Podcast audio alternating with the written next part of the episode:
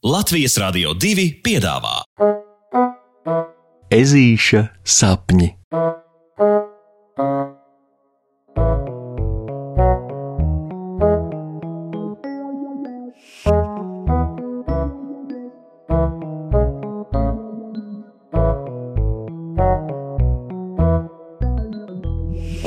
Ezītis un Matildes sprādze.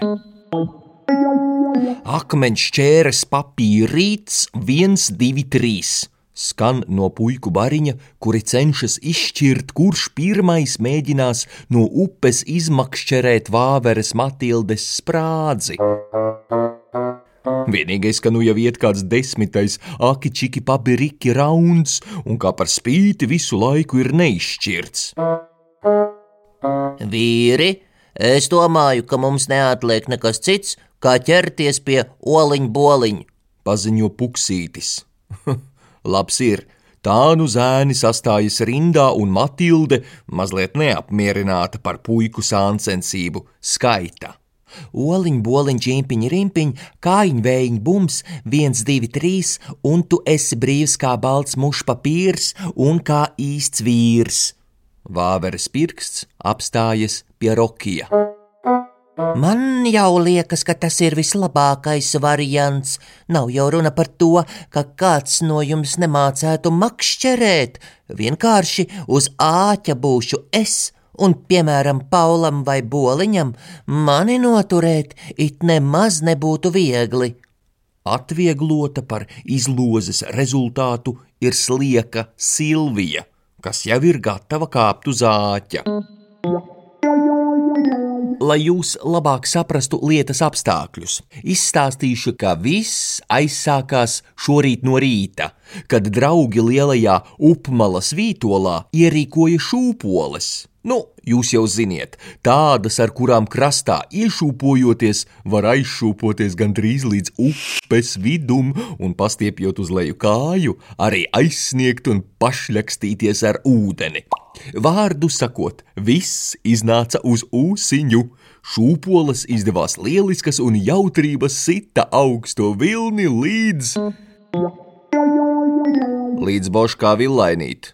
Viena no Vāveres Matildas greznajām sprādzēm, ar ko tik galanti bija sastiprināti viņas ausu pušķīši, izslīdēja un iekrita upē. Ah, tu beņģis, kā viņa sabēdājās, pat sāka raudāt, jo šīs greznās sprādzes bija dzimšanas dienas dāvana no Omes un Opja, un, un, protams, ka zēni bija gatavi glābt situāciju un sprādzi no upes izpestīt, tikai, nu jā, tikai kā. Protams, gan Lācens Rokijs, gan Puksītis ir diezgan labi peldētāji, bet ne jau nu zemūdens nirēji. Tā kādu laiku tika apcilāti visdažādākie varianti, kā sprādzi glābt. Knapsieriņa zirneklītim Paulam bija variants uzpīt dambi, nu, lai upe izžūst un tad sprādzi varētu viegli atrast. Puksītis turpretim ieteica uzmeistarot milzīgus grābekļus, ar ko upes gultni varētu izķemmēt no krasta, nu, kā adatas izķemmē no gružiem. Tikmēr Rokijs telefona grāmatā sāka meklēt zivju zemūdens policijas iecirkņa telefonu numuru, lai lūgtu palīdzību viņiem, bet.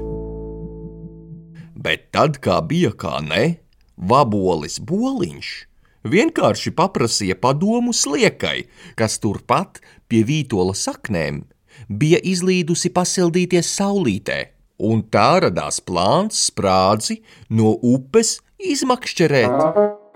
Kā jau tas parasti pasakās, notiek, draugiem tieši bija līdzi viena makšķere. Un nu mēs beidzot esam tikuši līdz vietai stāstā, kurā izvēlēts ir arī galvenais makšķernieks.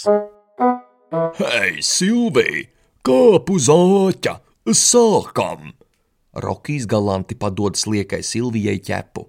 Jau izsenis visi makšķernieki piekopj īpašu draudzību ar sliekām, jo redziet, tieši sliekas ir tās, kuras spēj pieķerties pie āķa, kā arī ar asti noturēt to, kas jāpaņem no zivju zemūdens pasaules. Viņas principā ir nogrimušo lietu glābējas.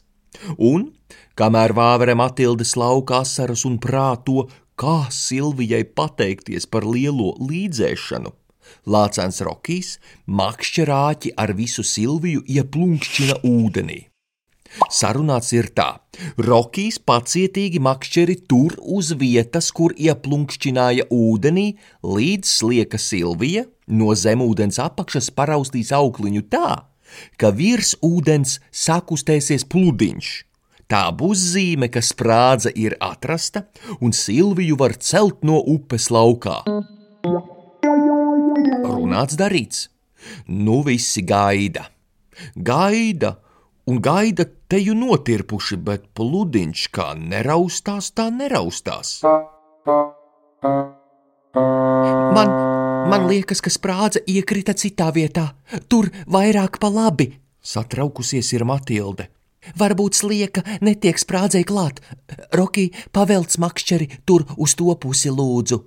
E, nē, noruna ir noruna, atmet Rokijs un pacietīgi gaida. Paklau, varbūt tiešām makšķeri vajag paraustīt. Varbūt aukla ieķērusies un Silvija nevar dot zīmi.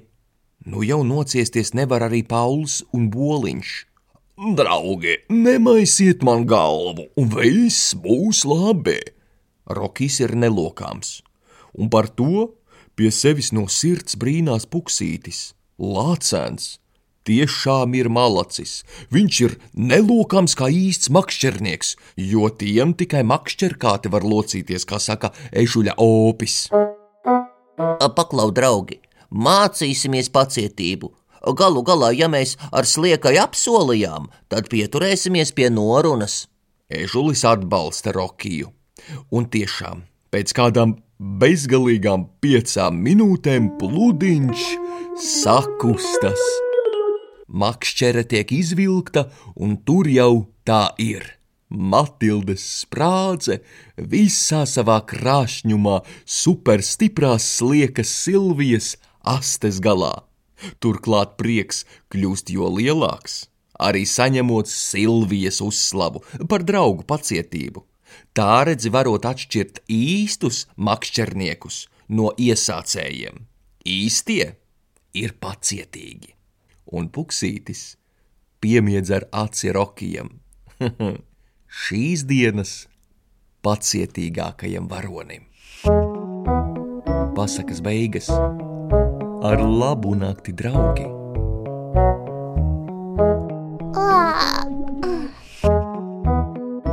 Saldus tev sapnīšus! Tiksimies rītdien!